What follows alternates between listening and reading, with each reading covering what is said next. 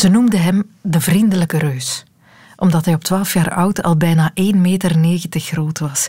En hij was een beloftevol atleet, zeer gespierd, werd gescout als basketballer, kon daar carrière in maken, maar hij raakte op het verkeerde pad. Er kwamen arrestaties voor diefstal en geweld en uiteindelijk ook een gevangenisstraf. En daar, in de gevangenis, besloot hij dat hij het anders zou aanpakken. Van zodra hij vrij was, ging hij zijn leven beteren. En dat deed hij ook. Vrijwilligerswerk, buurtwerk, om zichzelf en zijn twee dochters een betere toekomst te bieden. En toen kwam het moment dat enkele agenten dachten dat hij sigaretten had proberen kopen met een vals dollarbiljet. En toen duwden ze hem hardhandig tegen de grond. Twee agenten op zijn benen, één knie op zijn nek. Acht minuten en 46 seconden lang. En dat heeft hij niet gehaald. Zijn naam kent u inmiddels: George Floyd. Sinds die dag is er alle dagen protest geweest. Woede over een tragische geschiedenis van dit soort politiegeweld. Verdriet over het onrecht dat zwarte al zoveel eeuwen aangedaan wordt. In de Verenigde Staten, maar ook bij ons. Dat protest resoneert ook hier. Want ook hier bestaat racisme. En daar wil ik het over hebben. Welkom in de wereld van Sophie.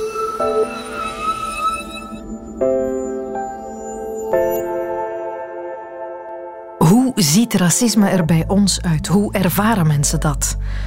Dat moet je vragen aan wie het overkomt. Wij vroegen het aan Charlotte Adigeri, topmuzikaal talent, wereldwijd bejubeld om de muziek die ze maakt, dit bijvoorbeeld. Pateni Pat heb je misschien al gehoord. Fantastisch. Ze was een tijdje onze collega bij Radio 1. Charlotte heeft roots in Martinique en Guadeloupe en dus een donkere huid. En ze herkent de woede die we deze week op tv hebben gezien heel erg goed. Ik echt, ik ben ook kwaad. Ik ben, ik ben al, denk ik, heel mijn leven kwaad. En het is een kwaadheid dat ik niet altijd kan plaatsen. Het is een kwaadheid dat ik al meedraag sinds dat ik kind ben. Um, ik wil niet altijd kwaad zijn. Ik wil het een plaats kunnen geven. Ik wil in momenten waar, op momenten waar, waarop dat mensen mij agressief benaderen, um, mij uitschelden, wat dat vaak gebeurt. Niet altijd gelukkig. Er zijn ook heel veel mooie, goede mensen in België. Um, ik, ja, ik wil wel mij opofferen om de bigger person te zijn, omdat ik echt wel geloof dat dat de manier is waarop mensen elkaar gaan leren kennen.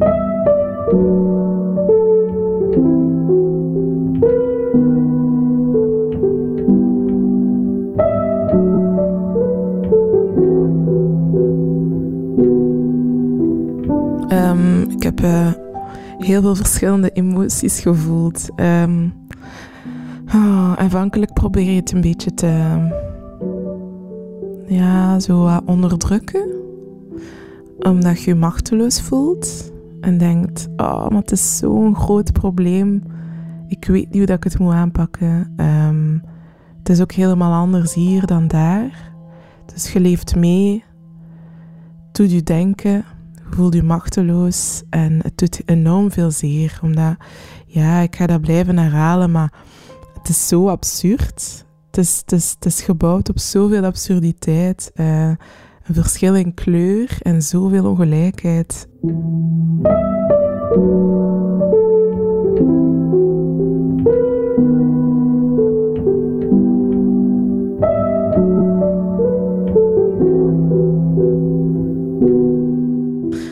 Maar dan stelt je vragen van oké, mm, we zitten in België, dat is een heel andere geschiedenis.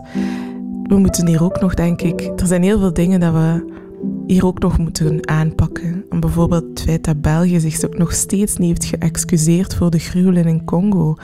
En dat ik mij dus niet kan herinneren, en zo zijn er velen, um, dat wij ooit hebben geleerd over wat dat Leopold uh, heeft gedaan in Congo. Um, ja, wat hij echt gedaan heeft. En, en, en in het buitenland wordt, er, wordt hij wel genoemd als een dictator en een uh, ja, gruwelijke man. Maar hier is het, er, staat nog altijd, er staan nog altijd standbeelden van die man. En dat um, doet wel heel veel, denk ik. Um, met een, een visie of een gebrek aan visie in een land. Dat wij gewoon niet beseffen dat een groot deel van onze rijkdom en een groot deel van wat dat, wat dat België België heeft kunnen maken, gefundeerd is op het lijden en, en, en op mensen die hier tot nu toe nog altijd worden gediscrimineerd en niet welkom zijn. En dat is dan ook een beetje hetzelfde in Amerika. Ze zijn niet welkom, terwijl ik denk, maar waar moeten ze heen? Of wat, wat denkt je nu?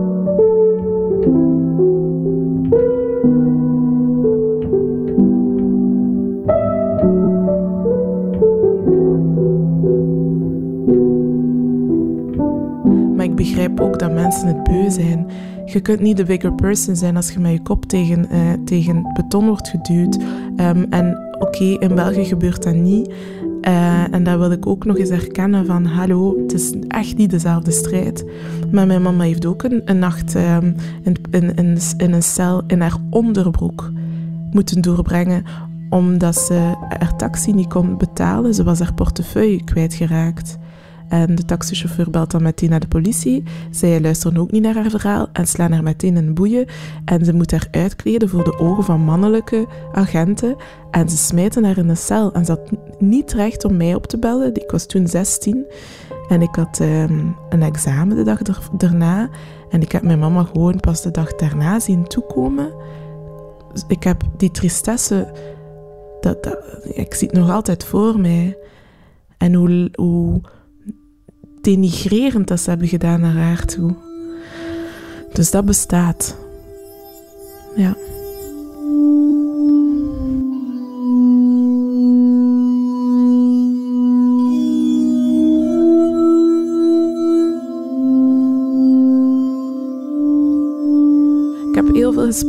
Vriendinnen, ook op WhatsApp bijvoorbeeld. Boeken sturen wij naar elkaar um, daarover. En we verschillen enorme meningen. Um, maar we proberen wel, we blijven luisteren naar elkaar. Ik, ik schrik wel van sommige meningen. En ik ben bang dat sommige meningen van mensen van mijn kleur net um, dialoog dooddoen. Bijvoorbeeld, ik zag dat een vrouw uh, die bij Clara werkt, een brief had geschreven uh, en haar ervaringen had gedeeld uh, als vrouw die een relatie heeft met een zwarte man. En de reactie daarop ehm, was: waarom is het alweer een blanke vrouw die nu het verhaal vertelt? En dat komt betuttelend over. Um, zij heeft nu niet te spreken, of meer we hebben geen nood meer aan het verhaal van de blanke vrouw. We hebben nood aan het verhaal van de zwarte. Terwijl ik denk, nee, we hebben nood aan al die verhalen. En ik vind het heel jammer dat mensen die dan initiatief nemen om hun getuigenis te delen, de mond gesnoerd krijgen, omdat het kwaadheid, en ik begrijp de kwaadheid wel, maar ik denk van ja, maar op die manier, ook al is de getuigenis, ook al ga je niet helemaal akkoord, maar dat doodt dialogen. En dat vind ik enorm moeilijk. Dat is iets dat ik mee ga slapen.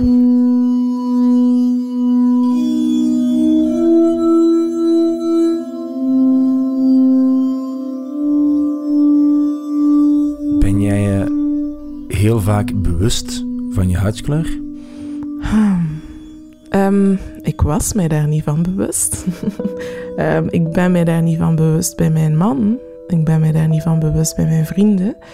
Maar ik ben er mij wel van bewust door blikken of door in bepaalde situaties.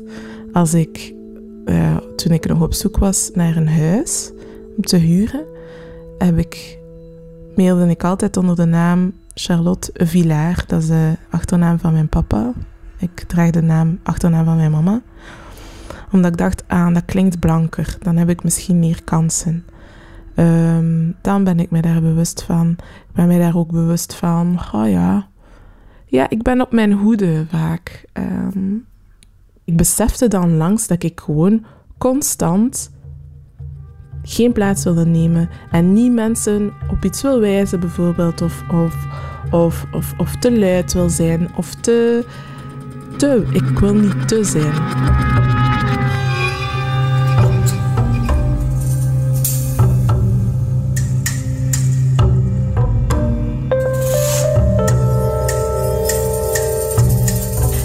Hebt nazi's, neonazis. Je hebt ehm, mensen die, uh, of die, het, die de slavernij ontkennen of die het, het goed vonden. Dat is racisme. Je hebt mensen die u, um, als je iets doet in het verkeer die je niet aanstaat, al dan niet verkeerd of, of juist, u uitmaken voor vuile neger.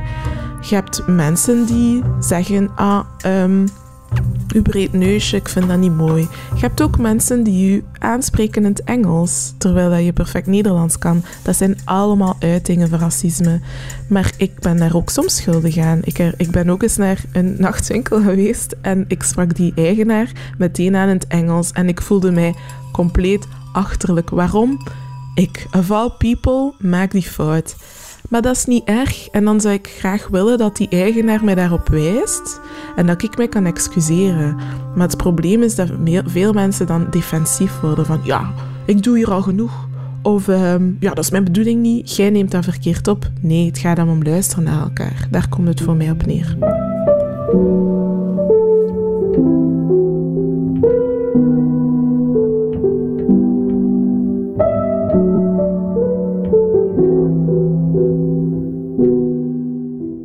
Ja, dat is, echt, ja, dat is inderdaad geleefd in een, andere werelden. Ook voor heel veel dingen totaal niet, maar ja, um, ja. En dan denk ik aan dat woord privilege, waar ik het ook wel een beetje moeilijk mee heb, maar begrijp het ergens wel. Maar privilege uit zich verschillende, op verschillende manieren. Je hebt uw achtergrond, uw, uw inkomen, uw opleiding, uw kleur, ook uw geslacht. Ik bedoel, de helft van de white privileged, hè, zoals dat ze het noemen, zijn vrouwen. En vrouwen worden ook op verschillende manieren gediscrimineerd. En mannen dan ook afhankelijk van hun afkomst en zo. Maar inderdaad, jij kunt al fluitend over de straat rondlopen zonder dat er iemand u achtervolgt um, en u aanbiedt om, om, om, om u te prostitueren. Jij wordt, niet, jij wordt misschien uitgemaakt voor iets anders als iets doms doet in het verkeer of iets terecht doet in het verkeer. Bij mij gaat het meteen daarnaar zijn. En bij de politie, ja, ik denk dat jij makkelijker inderdaad met iets kunt wegkomen. Dat denk ik, sowieso. Um, het is wel, ik vind het wel zot eigenlijk om je gezicht te zien, want ik, ik, ik zie heel veel emotie in uw, uh, in uw blik en heel veel uh, verrassing. Terwijl dat voor mij wel ja, zeer dagdagelijks is of zo. Um, maar ik vind ook dat je niet hoeft te generen omdat je dat niet weet. Totaal niet. Want dan merk ik wel een soort gêne soms van... Oh, leven wij in zo'n land? Of gebeurt dat? En hoe komt het dat ik dat niet weet? Geneer je daar niet voor?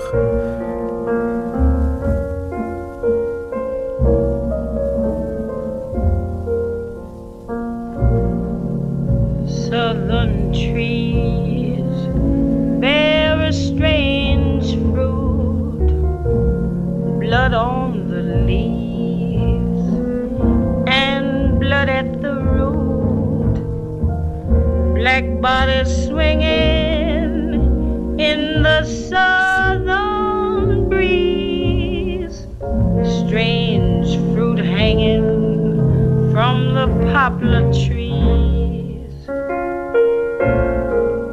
Strange Fruit van Billie Holiday, een klassieker. Een aanklacht is het tegen het racisme in de Verenigde Staten, tegen het lynchen van de zwarte, gebaseerd origineel op een gedicht getiteld Bitter Fruit uit 1937. Want ja, ook toen was de strijd bezig en het gaat nog veel verder terug in de geschiedenis, ook bij ons. Maar het is niet alleen in de Verenigde Staten. Wij hebben ook een weinig fraaie geschiedenis. 1958. Is wereldtentoonstelling in Brussel. En daar hebben ze een Congolees dorp nagebouwd. Met echte hutten en met echte inboorlingen, tussen aanhalingstekens, die je achter een hek kan gaan bekijken. Deze vrouw hier is een pot aan het bakken.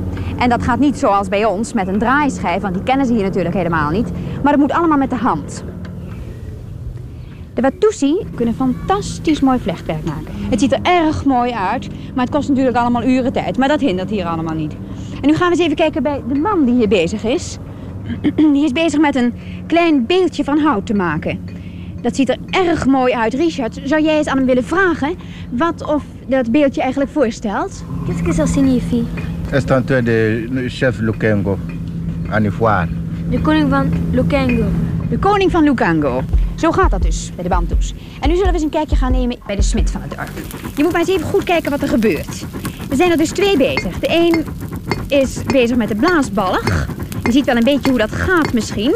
Hier doorheen komt de lucht en die gaat in dit pijpje en dat komt onder het vuur. En zodoende blijft dat vuur dan dus lekker branden. Zo gaat dat dan, zegt de Nederlandse presentatrice. Je gelooft het niet, maar wij hebben dat echt gedaan. Wij hebben mensen tentoongesteld en dat was geen eenmalige fout. Nee, nee. Uh, men heeft... Uh op het einde van de 19e eeuw dus uh, daar een traditie in. 1885 te Antwerpen, uh, 1894 opnieuw te Antwerpen en dan uh, dus de hele grote exhibitie van Brussel ter Vuren in 1897, waar toch meer dan 260 Congolezen werden, werden opgevoerd. Dit is Zana Etambala, historicus aan de KU Leuven en verbonden aan het Afrika Museum in Tervuren.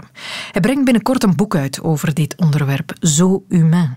En hij vertelde me dat dit diende als pure propagandastunt van de Belgische overheid voor de kolonisering door onze staat. De mensen lazen eh, heel wat minder de krant. Hè. Eh, van radio en televisie was er ook eh, geen sprake. Maar, dus men, men wilde aan, die men, aan de doorsnee Vlaming, de doorsnee Brusselaar en Waal.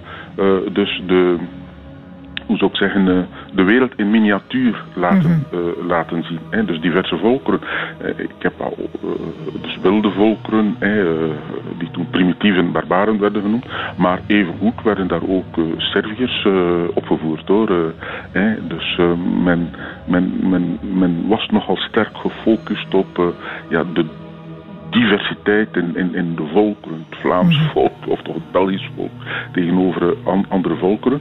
En dus het contrast, het tonen van het contrast tussen, uh, laten we zeggen, die westerse beschaving, hè, volop in industrialisering. En dus dan, ja, uh, dus de primitieve volkeren, uh, meestal landbouwvolkeren. Hè, dus om het contrast te tonen. Hè, ja. om te tonen dus dat de, de Europese beschaving, de westerse beschaving, dus... Uh, Kijk eens hoe superieur wij ja, Ja, ja, ja. Op de ladder dus het hoogste dus en ja, dan ging men steeds naar beneden waar men uh, dus onderaan uh, de ladder, dus de pygmeeën, eh, mm. dwergvolkeren enzovoort dus vond. Hè. Kijk hoe zijn wij geëvolueerd, hè. hoe ver zijn wij geëvolueerd, de anderen hinken nog een paar eeuwen na ons. Uh, mm. Dus dat was de boodschap, ja. Dat gebeurde allemaal niet geheel kritiekloos. Die kritiek kwam er na de dood van zeven van die Congolezen. België was volop, zou ik zeggen, in regenseizoen. Dus het was bijzonder kil slecht weer. En als je dus dan mensen opvoert zoals ze dus in, in Congo zijn, laten we zeggen half naakt enzovoort, ja, dan is het vanzelfsprekend dat er daar mensen bronchitis krijgen. Uh, en, en, dat er dus daar slachtoffers van, van komen. Dus er zijn er zeven geweest, die dan in een eerste instantie nog in een vergeetput werden gegooid. Wow. En dus daar is kritiek op gekomen. Men heeft dus dan dus de, de kadavers of toch de, de, de botten dus daaruit gehaald. En dus heel wat later hebben die dus de, de graven gekregen aan de kerk in, in, uh, in Tervuren. Ja. Maar dus wanneer dat die, die Congolese doden naar het kerkhof werden gevoerd hè, getransporteerd, mm -hmm. ja, dat die boeren van, van Tervuren en Vossum en, en, en Duisburg enzovoort dus de stoet uitjouwden en dat ze dus niet wilden dat er zwarten op hun kerkhof werden, werden begraven. Mm -hmm. En dan is men, om, om dat weer goed te maken, uh, heeft men dus dan Monseigneur Goossens, de, de kardinaal uh, van Mechelen-Brussel, heeft men dus dan uitgenodigd om toch nog uh, dus een aantal van die Congolezen te dopen en het vormsel te geven. Maar dat voorval betekende dus nog lang niet het einde van die Zo Humain. De laatste keer is pas in 1958, zoals we daarnet hoorden.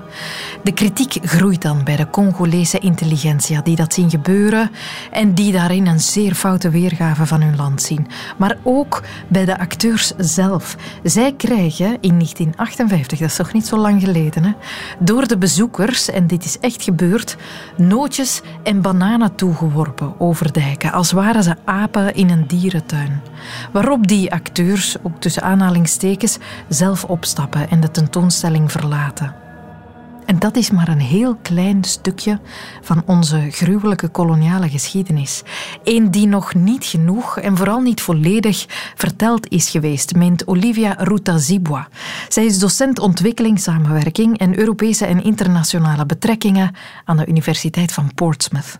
Wie zijn de, wat zijn de niet-witte verhalen, laten we zeggen, die als uh, hoofdpersonages meedoen in onze geschiedenisboeken?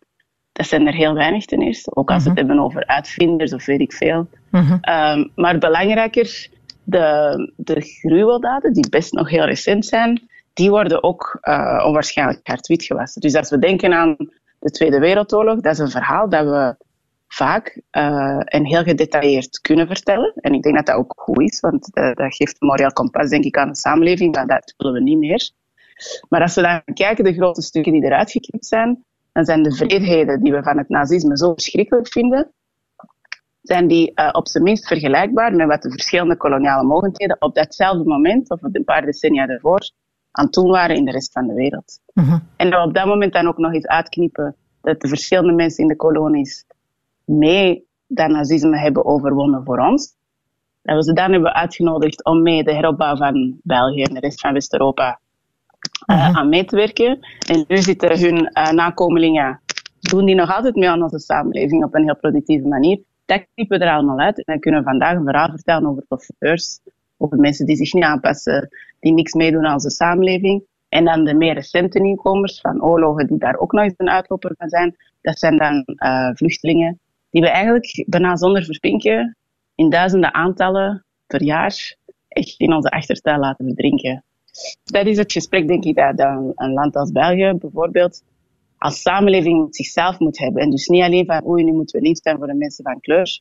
Maar wat, is, wat, is het soort samenleving dat we blijven reproduceren, waarin dat in ons hoofd er altijd een superioriteit wordt gekleefd aan, aan een wit ideaal mens dat eigenlijk ook niet eens bestaat, hè, daar niet van. Maar mhm. dat, dat, zijn, dat zijn de beelden van superioriteit die eigenlijk het, het systeem uh, in stand houden. Als je Olivia vraagt of ze optimistisch durft te zijn over de toekomst, of ze op beterschap durft te hopen, dan antwoordt ze erg voorzichtig. Ik denk dat we, om, om te kunnen blijven doorgaan, um, de opdracht hebben om, om uh, optimisme zoveel mogelijk af en toe toch ook nog uh, toe te laten. Want anders houdt het ook gewoon niet vol. Ik was aan het denken, ik ben wel, denk ik, twintig jaar uh, optimistisch over die dingen aan het schrijven. Als je geen, geen optimisme, en misschien is het geen optimisme, maar is misschien uh, de discipline hebben om in kaart te brengen wat het de kleine successen zijn. Hè? Dus als ik denk wat ik vandaag op een radio kan zeggen, en wat we misschien 15 jaar of 20 jaar geleden probeerden uit te leggen, ook al was de situatie hetzelfde. Dus er is wel een verschuiving, maar op hetzelfde moment heb je ook die rituele verbazing, waarin dat mensen constant terug mm komen en zeggen van, dat kan toch niet, dat, dat is. Dat wij toch niet, weet ik veel. En, dat is dat, en nu heb ik vaak het gevoel dat dat versnelling uh, terugkomt. Dus in die zin is mhm. dat misschien iets positiefs. Ik denk ook dat sociale media er, er, ertoe bijdragen dat het moeilijker is om te doen alsof je iets vergeet. Dus optimisme zou ik zeggen is, is een politieke opdracht. Maar optimisme is iets dat zeggen dat de, witte meerderheid misschien voorzichtig mee moet omspringen, want heel vaak is dat dan het argument van ja, maar we zijn toch niet zo slecht bezig. Of bezig.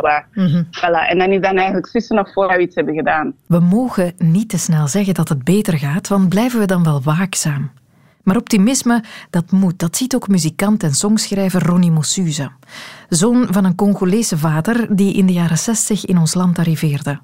Ronnie wil ook optimistisch zijn, vooral voor zijn kinderen het is een strijd waarvan ik denk, dit gaat over mijn kinderen. Ehm, die strijd heb ik, uh, ik, dus ik ben inderdaad een, een uh, van een andere generatie dan Charlotte. Of dan van de andere spreker van Olivia bijvoorbeeld. Maar uh, ik, ik heb dat ook wel allemaal meegemaakt als ik jong was.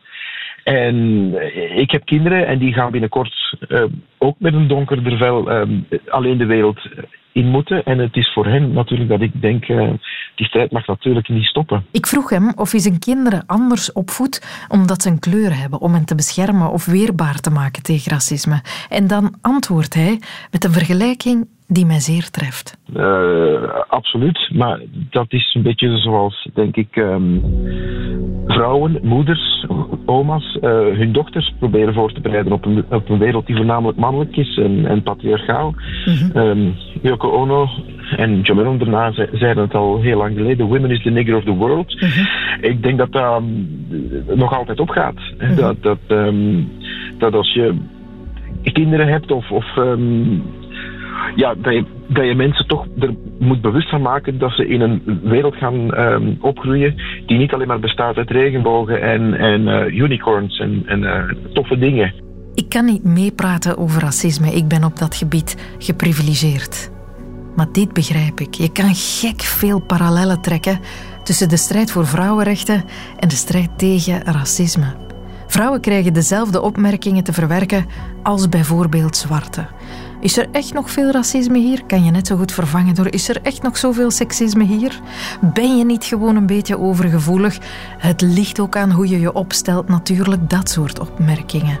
Een geschiedenis die niet verteld is. Hoeveel vrouwen zijn door de geschiedenisboeken niet vergeten, gewist alsof ze nooit bestaan hebben? En hoe hard geloven sommigen daardoor niet dat vrouwen nooit echt iets betekend hebben voor onze maatschappij? En hoe vaak zijn het niet mannen die komen zeggen dat vrouwen niks meer te klagen hebben, net zoals zwarte vaak van witte moeten horen dat ze onderhand toch wel dezelfde rechten en kansen hebben.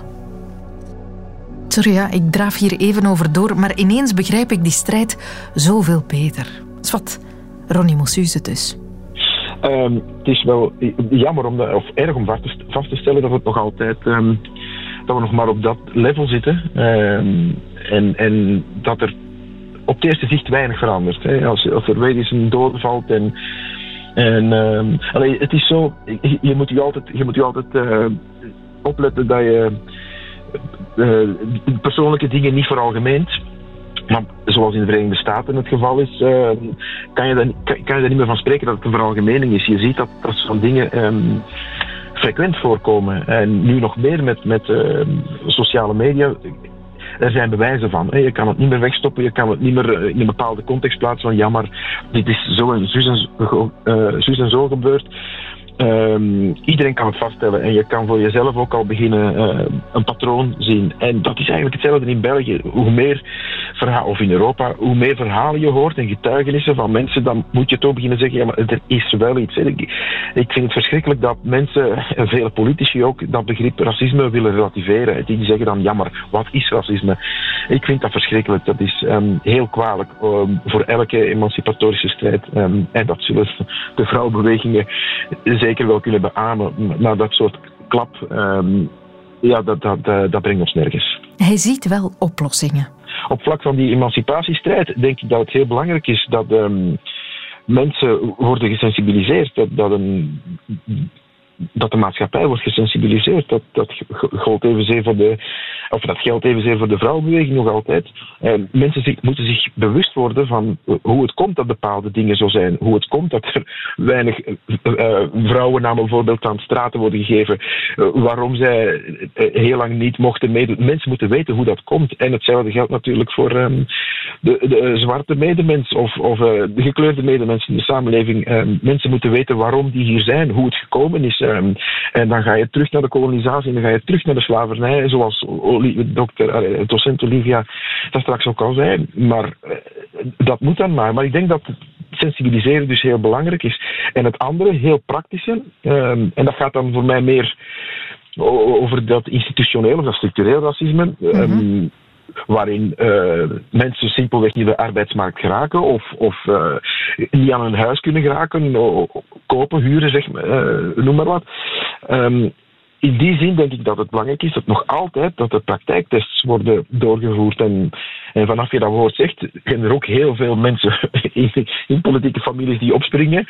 Uh, maar het gaat niet anders. Uh, er, is echt wat aan de hand. Die mensen zuigen dat niet uit hun duim, dat ze niet aan hun huis geraken en niet aan werk geraken. Dat is niet om zielig te doen. Of, uh, dat is voor vele mensen zelfs in België een, uh, een strijd op leven en dood bijna. Want het gaat over, het, over, hun verder bestaan, over hun welzijn, over het welzijn van hun kinderen. In de Verenigde Staten is het echt een, strijd van leven op dood. Bij ons soms ook. Dus ik denk op, op twee vlakken. De emancipatiestrijd, dan gaat het voor mij, dat kan je denk ik voor een groot stuk helpen als je mensen sensibiliseert. En daar zijn dan weer allerlei tools voor. En anderzijds op praktisch vlak, op, op mensen die het dagdagelijks meemaken, zijn praktijktests denk ik nog altijd een heel goede tool. Sensibiliseren en praktijktests. En dan binnen enkele honderden jaren, dan zijn we er wel. Dat was niet om te lachen, dat zei hij echt binnen enkele honderden jaren. Maar ook daar is weer die parallel met de vrouwenstrijd. Daarvan verwacht men ook pas gelijkheid tussen man en vrouw binnen ten vroegste 200 jaar. Dat is nog lang. En dat betekent nog veel protest, nog veel doorzettingsvermogen, veel geduld. En dat zijn nog veel frustraties. Zoals Saskia er onlangs enkele zeer sterk neerpende. Saskia Lienaar heeft twee dochters, waarvan één zwarte adoptiedochter, Ninette. Ze is 13 jaar oud. En door moeder te zijn van Ninette, weet zij maar al te goed wat alledaags racisme in ons land betekent. Dit is, had ik geschreven, voor al die keren dat ik security in winkels in hun gezicht ben gaan vragen of er misschien een probleem was, omdat ze mijn gekleurde tiener opmerkelijk veel nauwer in het oog hielden. Dit is voor die keer in het hotel dat een hotelgast haar of all people die op de gang stonden, kwam bevelen zijn kamer te poetsen. Dit is voor al die overdreven veel keren dat ze tegen mensen moet zeggen dat ze van haar haar moeten afblijven prachtig haar, desalniettemin. Dit is voor de niet te tellen keren dat ik moest antwoorden dat ze ja, ze is dus wel degelijk mijn dochter. En ik heb dat heel vaak moeten herhalen tegen politie op straat tijdens de lockdown, omdat het feit dat wij huisgenoten zijn blijkbaar een rariteit zou zijn. Wij leven daar zo dagelijks mee, met van die kleine picuren aan, aan rare blikken, rare opmerkingen, vreemde woorden, uh, dat je dat op den duur eigenlijk uh, gewoon wordt en, en dat u dat niet meer opvalt, tot je dat dan eens begint op te lijsten, inderdaad? Mensen vragen ook vaak, ken jij nog jouw biologische ouders? En ja, dan zeg ik nee, want ik was vijf maanden, dus ik heb daar geen herinnering aan of zo. Het gaat heel vaak over u dan eigenlijk, als je zo zegt van we zijn een familie en dan beginnen ze toch over u. Ja, het is altijd van, ja, vroeger vond ik dat zo raar dat iedereen ons aankeek, maar nu vind ik dat ja, nu ben ik dan normaal. Je scheelt hoeveel? Drie jaar? Ja, drie jaar. Dus dan ben jij toch de grote zus al een beetje? Ja, ja, ja. Ik, ben, ik, ben, ik ben de grote zus. Ja, altijd. Um, ik weet niet, ik heb me vermaakt me niet net. Um, Ook op vakantie en zo. Maar gewoon, we hebben ook, we hebben ook ruzie soms hoor. Allee, dat is, dat is heel normaal. Ja. ja. Wij een heel normale band hebben samen. En wie wint er dan? hangt er vanaf. Ja, hangt er vanaf. Het verbaal is is mee als het fysiek is niet net. Ja, dat is wel echt waar. Dat is wel echt waar. dat is wel waar.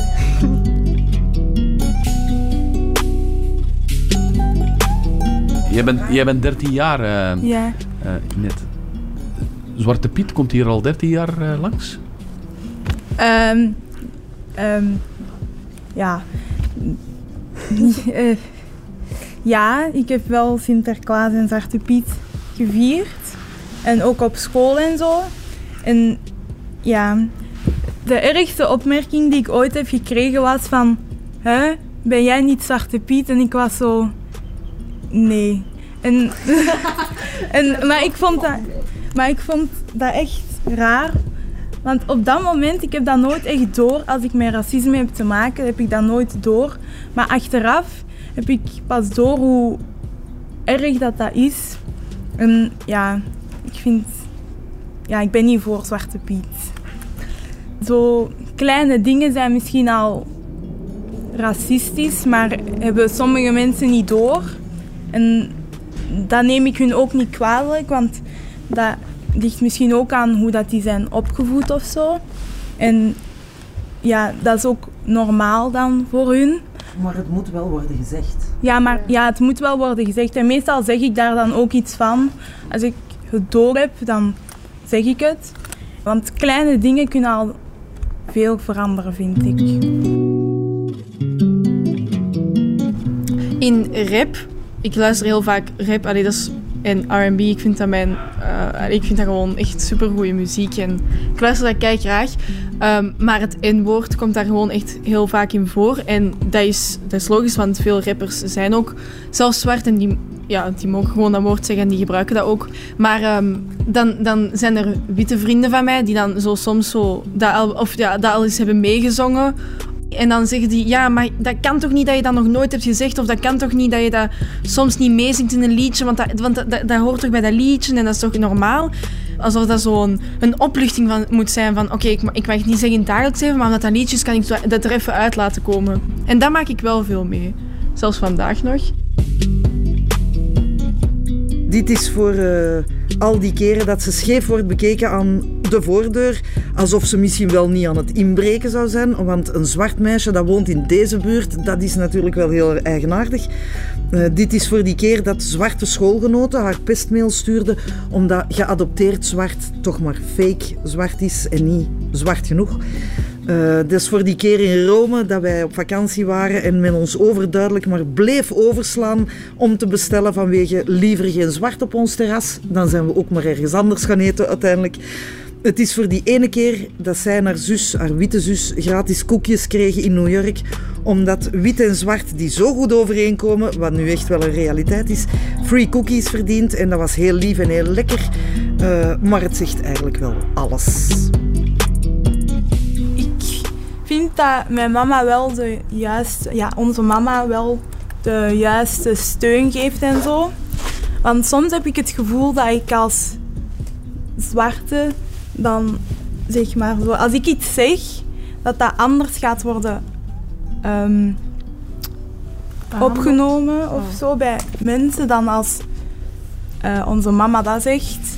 Omdat dan, ja, dat lijkt dan precies of dat onze mama dan meer wordt gehoord of zo. Want soms, dat klinkt misschien raar, maar soms in ruzies of zo durf ik geen dingen zeggen. Omdat dan die misschien iets kunnen zeggen over mijn huidskleur of zo. Of over mijn achtergrond. En ja, dat is wel gewoon... Ik ben blij dat dat eruit komt in dat interview, want dat wist ik zelfs niet. Nee, ik ook niet. Dat, dat, dat zegt jij niet hardop. Dat wordt niet... Uh, want wij, wij bespreken veel. Enfin, zoals je merkt, uh, praten wij sowieso veel. Of ik praat op zijn minst uh, al veel. maar, uh, maar dat jij je inhoudt, daar, daar, dat zal een werkpunt worden. Op 13 jaar was ik ook nog stil hoor. Maar ik ben niet echt een stille. Maar, maar ja, over sommige onderwerpen praat ik gewoon ja, je, veel minder. Jij praat daar precies ook niet zo altijd zo graag ja, over. Of ik zo. praat daar ook niet zo graag over. Ja, dat is gewoon. Maar over andere onderwerpen kan ik wel gewoon veel praten. En je praat er niet over omdat er niets mee te bereiken valt? Ik weet eigenlijk niet waarom dat ik dat niet allemaal zeg, maar... Ik, bent... ik denk dat ik dat voor een stuk weet, omdat je een heel fiere bent. Ja, niet net. Niet net. Jij bent een hele fiere. De, altijd met de rug recht en de kop omhoog, wat een goede, fantastische eigenschap is. Maar uh, als het dan echt concreet over, over huidskleur en dat die, dus uw diepste wezen moet gaan, dat dat nog moeilijker ligt, dat snap ik wel. Ja, doordat mensen zoveel vooroordelen en zo, wil ik daar gewoon zo... Ik wil eigenlijk de ergste situaties vermijden. En daarom praat ik daar echt niet graag over of zo. Dus ja, dat is het eigenlijk.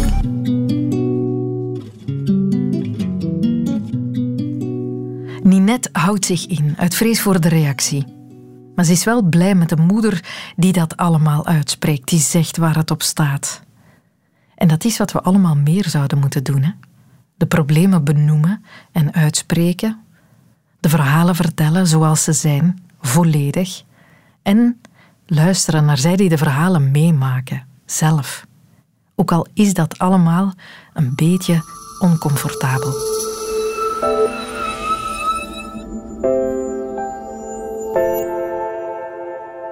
Dit was de wereld van Sophie over racisme bij ons. Elke vrijdag is er een nieuwe podcast over een nieuw onderwerp en je kan je altijd abonneren als je graag automatisch die nieuwe afleveringen op je toestel gedownload krijgt. We zijn er ook elke weekdag tussen 10 uur en 12 uur op Radio 1. Tot gauw.